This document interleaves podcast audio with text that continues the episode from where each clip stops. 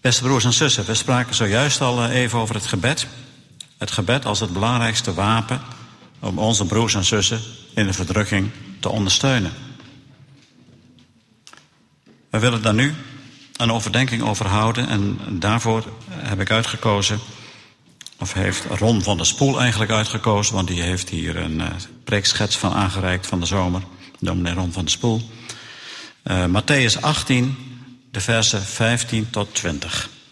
Ik lees het uit de Bijbel in de gewone taal. José zei tegen mij, het maakt niks uit wat je leest, ga je gang maar. Ik vond de BGT hier heel helder. Dus vandaar. Jezus zei, stel dat een andere gelovige iets verkeerds doet. Zeg hem dan wat hij verkeerd gedaan heeft, zonder dat er anderen bij zijn. Als hij naar je luistert, dan heb je hem bij God teruggebracht. Maar als hij niet naar je wil luisteren, moet je naar hem toe gaan, samen met één of twee anderen. Want er zijn minstens twee mensen voor nodig voor een geldige verklaring. Als hij dan nog niet luistert, vertel het dan aan de hele groep gelovigen. Als hij ook naar de groep niet luistert, dan hoort hij er niet meer bij. Dan moet je hem behandelen als een ongelovige of een tollenaar. Luister goed naar mijn woorden. Volgende dia. De besluiten die jullie op aarde nemen, zullen ook geldig zijn in de hemel. En luister ook goed naar deze woorden. Stel dat twee van jullie samen bidden om iets hier op aarde, dan zal mijn hemelse Vader zorgen dat het gebeurt. Wat het ook is. Want overal waar twee of meer gelovigen bij elkaar zijn, daar ben ik ook. Nog even de vorige dia weer terug. Ik zeg een paar woorden over de eerste verse. De verkondiging zal weliswaar vooral over de laatste verse gaan. Maar die eerste uh, versen 15 tot 18, die staan toch ook in diezelfde pericoop. Dat vond ik wat bijzonder, omdat het op, op het eerste gezicht niet zo gek veel met elkaar te maken lijkt te hebben. Um, die eerste versen gaan over de discipline in de kerk. Als je de herziene statenvertaling erbij pakt, dan staat daar boven dat gedeelte de kerkelijke tucht. Er wordt teruggegrepen hier op oud-testamentische principes. Om iemand op het goede pad terug te brengen. Iemand die kwaad gedaan heeft. En dat begint met een welwillend gesprek onder vier ogen. Want je wilt geen ophef en je wilt ook geen roddel. Maar als het nodig blijkt te zijn, dan neem je getuigen mee. Helpt ook dat niet, dan is het een zaak voor de hele gemeente. Je wil deze mens terug in je gemeenschap. Want er gelden nieuwe normen in de christelijke gemeente. We hebben alles in genade ontvangen. En wij mogen op onze beurt ook genadig zijn. Dat wil zeggen, vergeving schenken. En een paar versen verderop, daar spreekt Jezus zelfs over 70 maal 7 keer vergeven. Dus eigenlijk onbeperkt. Maar de zondaar op zijn beurt moet die kans dan ook wel omarmen. Hij moet oprecht spijt hebben, berouw tonen, anders eindigt het verdrietig. En dan staan er opeens dingen als: de besluiten die jullie op aarde nemen, zullen ook geldig zijn in de hemel. Ik vond dat bijna niet te geloven toen ik dat op me in liet werken. En ik dacht nog, zou dat alleen gelden in die tijd voor de apostelen? En dan lees je wat commentaren en dan zeggen het uitleggers toch, nee, dat geldt ook voor ons. Nou, dan duizelt het bijna. Dat de Heer ons blijkbaar zo serieus neemt dat Hij ons een dergelijk gezag toekent. En de voorwaarde is dan wel dat we dat allemaal eensgezind moeten doen. En in pastoraal eh, opzicht en in geestelijke zin eensgezind en in overeenstemming met zijn wil. En dat is wel een dure plicht. Maar dan is ook de autoriteit van Christus van toepassing. En het mooie is dat dit nou ook meteen de link is naar het gebed. Want eensgezindheid is ook in het gebed noodzakelijk. De volgende dia maar over dat bidden. Ja? Uh, ik heb ondertussen een stuk of twaalf reizen gemaakt naar de vervolgde kerk. En dan spreek je heel vaak met voorgangers. Ja, en dan praat je ook altijd erover wat je voor elkaar kunt betekenen. En die mensen vragen je stevast en altijd in de eerste plaats om voor hen te bidden. Ze vragen om te bidden. Zodat ze het vol zullen houden. Zodat ze stand zullen houden. Zodat ze hun werk kunnen blijven doen. Om op hun beurt hun gemeenten bij te staan. En gek genoeg vragen ze niet zozeer om te bidden dat de vervolging zou stoppen. Ik dacht dat altijd, maar dat is niet zo. Ze weten veel beter dan wij dat het er gewoon bij hoort. Wel vragen ze altijd om te bidden voor hun land. Ze zijn heel erg betrokken bij hun land, hun volk. Ze vragen of God in zal grijpen. En ze willen heel graag, dat willen wij hier ook natuurlijk, dat alle inwoners van hun land de Heer God leren kennen. Maar het lijkt wel wat veel gevraagd als je in Pakistan bent, waar ik geweest ben, met 190 miljoen moslims. Een kleine minderheid van christenen daar, die kan politiek absoluut geen vuist maken. Maar ze weten wel dat het gebed zo krachtig is. En als de hele wereldkerk nou eens eendrachtig zou bidden, dan wordt het een keten van gebed around the globe, die 24-7 nooit ophoudt. Er is een wat ouder lied uit het eh, liedboek voor de kerken, en dat gaat zo. Die dan, als onze beden zwijgen, als hier het nieuwe daglicht, als, nee, als hier het daglicht onderduikt, weer nieuwe zangen op doet stijgen, ginds, waar de nieuwe dag ontluikt. Roep er nog bij iemand herkenning op? Jawel, hè? Ik herinner me nog wel uit mijn tijd in de PKN de, ooit. Nou, dat universele aspect van de kerk is natuurlijk prachtig. Het is een mooie gedachte. Als er, om, om, om te realiseren dat er wereldwijd continu de hele dag door gebeden opstijgen. En dan hebben we het ook over samen bidden. Maar ja, is dat samen bidden wel altijd zo eenvoudig? Ik moet u eerlijk zeggen dat ik nooit zo gek veel mensen zie op gebedsbijeenkomsten, gebedsavonden. Afgelopen juni was er weer de nacht van het gebed. En ik heb daar gesproken op drie plaatsen. Dat wordt vaak eh, interkerkelijk gedaan. Dat is hier vast ook zo. Hier ook? Nacht van gebed interkerkelijk? Ja, hoor ik mensen knikken. Dus ik was eh, op drie plaatsen. Er waren 30, 20 en 15 mensen. En dat was, dat had ik nog niet meegemaakt. Dat was veel. Meestal is het veel minder. Vijf of tien of nog minder. En in mijn eigen gemeente, in Nieuwegein, daar worden gebedsmomenten ook maar magertjes bezocht hoor. Ik hoop dat het hier bij jullie veel beter is. En ik zag met plezier dat jullie dinsdagavond alweer een kans hebben om interkerkelijk te bidden. Hè? Het stond op de agenda. Dat klopt, Jefta. Ja. Nou, het past ook uh, meteen goed uh, bij het thema wat we hebben van verbonden zijn. Namelijk verbonden met de Heer, met elkaar, met je woonplaats en met de wereldwijde kerk. Dat vloeit daar automatisch uit voort. Als één lid leidt, leiden alle leden mee. En als één lid uh, vreugde ontvangt, dan delen we daar allemaal mee. En dat is het motto van Open Doors, 1 Corinthians 12. Terug naar het samen bidden. Dat kan ook met je partner. Mag ik eens vragen of, uh, of u dat hier doet? Wie bidt er uh, geregeld met zijn partner? Ja, toch de nodige mensen wel. Ik ook hoor, met mijn vrouw geregeld bij allerlei gelegenheden. Maar om dat dan regelmatig op een regelmatige basis te doen, komt dan toch weer soms de klad in. En ik denk dat we op dit gebied nog veel kunnen leren. En dat is ook niet overbodig, want de Bijbel vindt het van groot belang. Want wij zagen zo net al even in het eerste gedeelte dat het zwaar weegt als twee getuigen in een juridische sfeer tot dezelfde conclusie komen.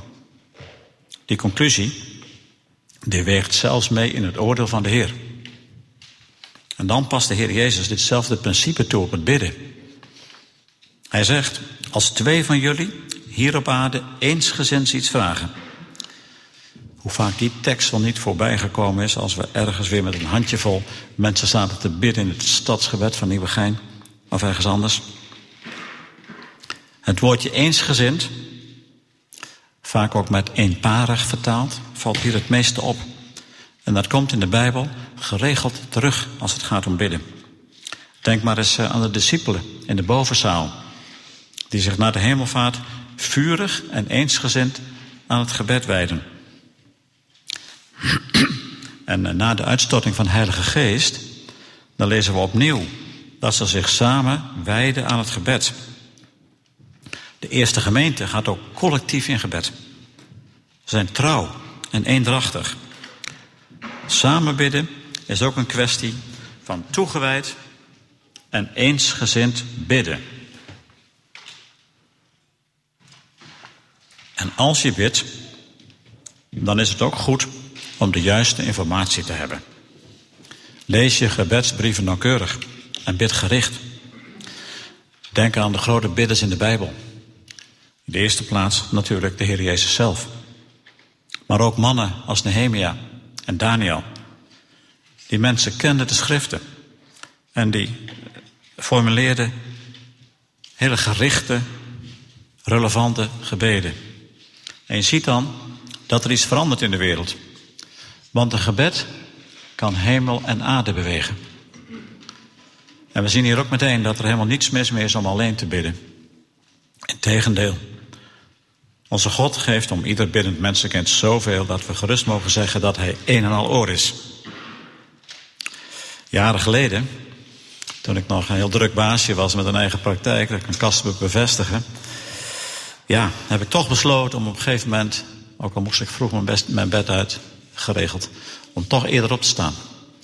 Kwartier, twintig minuten, iets te lezen, de dag biddend op te dragen. En ik denk achteraf dat dat mijn leven duidelijk richting gegeven heeft. Wij waren in een land in de Himalaya, een Bhutan. Als je nog eens ergens naartoe wil waar het uh, nog paradijselijk mooi is, dan moet je naar Bhutan. Maar wij gingen daar niet voor het uh, mooie land, wij gingen daar voor de christenen die daar in dat boeddhistische land een onderdrukte minderheid vormden. En een hele drukke voorganger was onze reisleider. Want je moet bedenken dat uh, in andere delen van de wereld voorgangers heel vaak voor hun eigen inkomen moeten zorgen. We hebben hier de reguliere kerken, dominees met goede contracten. Maar dat is elders in de wereld heel vaak heel erg anders. En die man had ook enorm veel ballen in de lucht. Hij had bijvoorbeeld dat reisbureau. En dan was hij een week met ons op pad. We vroegen hem, man, hoe hou je dat allemaal vol? Hij zegt, ik sta s ochtends om vier uur op. Dan brengt hij uren door met meditatie en gebed. Hij sprak alle afspraken van die dag uitgebreid met de Heer door. En hij zag ook nog kans om ons de hele dag heel aangenaam te onderhouden. Had veel humor. Had in Duitsland gestudeerd. Echt verhalen van grote godsmannen. Waar je van kunt genieten en waar je ook je lessen uit kunt trekken. Dus dat persoonlijke gebed, dat is echt van onschatbare waarde. Maar tegelijkertijd blijft dat eensgezind samen bidden iets bijzonders. Ja, we hadden het over toegewijd en eensgezind bidden. Toegewijd bidden betekent ook dat je blijft bidden. En dat is je eentje, in je eentje nou net niet zo gemakkelijk vol te houden. Want als je gebed niet wordt verhoord, zoals je verwacht, dan kun je zelfs afhaken. En dat terwijl Jezus ons aanmoedigt om te blijven bidden. Denk eens aan Lucas 11, de versen 9 en 10. U kent dat riedeltje wel van wie vraagt ontvangt, wie zoekt die vindt en voor wie klopt zal worden overgedaan. En dat wordt twee keer gezegd in soortgelijke bewoordingen. Het wordt ons dus al met al een keer of zes ingepeperd. Zijn blijkbaar niet zo snel ergens van te overtuigen. Denk ook aan die onrechtvaardige rechter en de weduwe. Die weduwe die eh, blijft hem uh, maar bestoken. En eist haar recht. En die rechter denkt bij zichzelf, straks vliegt ze me nog naar de keel. Dus hij geeft toe en ze krijgt haar zin dankzij haar vasthoudendheid. En Jezus moedigt ons in feite aan om vol te houden, ja, om bijna schaamteloos te blijven volharden in het gebed. En dat is nou net samen gemakkelijker vol te houden dan alleen. Samen ook met de vervolgde kerk. En als zij horen dat wij voor hen bidden, dan is dat zo'n geweldige bemoediging voor hen. Het helpt hen om vol te houden. Dus toegewijd en eensgezind bidden. En eensgezind betekent ook dat je bidt vanuit het gezamenlijke, zelfde vertrouwen op God. Je gelooft met elkaar dat deze God bij ons leven is betrokken. Dat Hij hoort en ook antwoordt. En eensgezind bidden betekent ook dat je hetzelfde verlangen hebt. Een tekst uit Filippenzen. Maak mij dan volmaakt gelukkig door eensgezind te zijn, één in liefde, één in streven, één van geest. Eensgezind, eensgezind bidden doe je dus vanuit datzelfde vertrouwen en vanuit hetzelfde verlangen. En waar zo gebeden wordt door twee of drie gelovigen, daar verhoort de Heere God. Wat het ook is. Er gebeurt hoe dan ook iets met zo'n gebed. Soms merken we er niks van. Soms ook wel. Maar we mogen erop vertrouwen dat de Heer doet wat Hij heeft beloofd. Want Hij heeft de macht. Je hoort ook dikwijls dat gevangenen, vervolgde christenen dus die gevangen zitten, de kracht van het gebed ervaren. Want ze weten soms van dag nog tijd, omdat ze in het duister geïsoleerd worden opgesloten. Maar ze weten wel wanneer het zondag is. Want dan, dan merken ze een opmerkelijke vreugde. En dan zeggen ze: Oh, er wordt weer in de wereld voor ons gebeden. We hebben die kracht van dat gebed ook kunnen zien bij de val van de Berlijnse muur. Misschien is niet iedereen zich ervan bewust, maar er is jarenlang door enorm veel mensen in Oost en West voor gebeden. En het is met heel weinig bloedvergieten gepaard gegaan. God zij dank. Zo wordt er nu ook al jaren heel intensief gebeden voor verandering in Noord-Korea. We zien er nog weinig van. Het is nu ook weer nogal dramatisch in Noord-Korea. Het was zelfs op het journaal dat er weer hongersnood is. Hè? Wij wisten dat al wel, net als in de jaren negentig.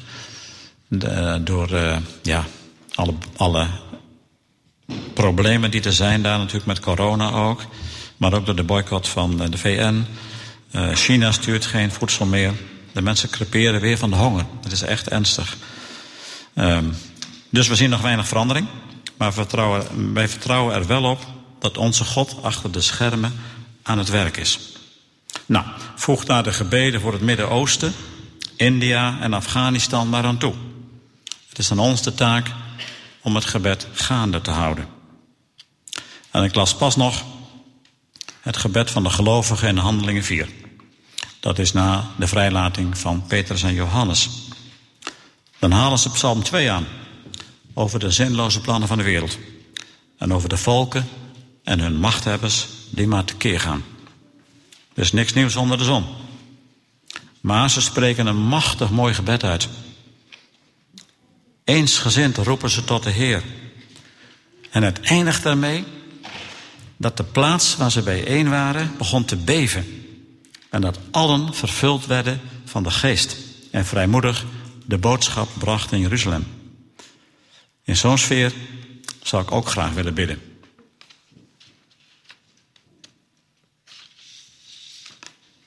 Want de Heer van de kerk wil gebeden worden. Hij vindt dat belangrijk. En hij moedigt ons aan om dat samen te doen, om dat eensgezind te doen, toegewijd, met vertrouwen en met verlangen. En dan zal hij zijn wereldwijde gemeente antwoorden en zegenen. En wij blijven bidden totdat hij komt. Amen.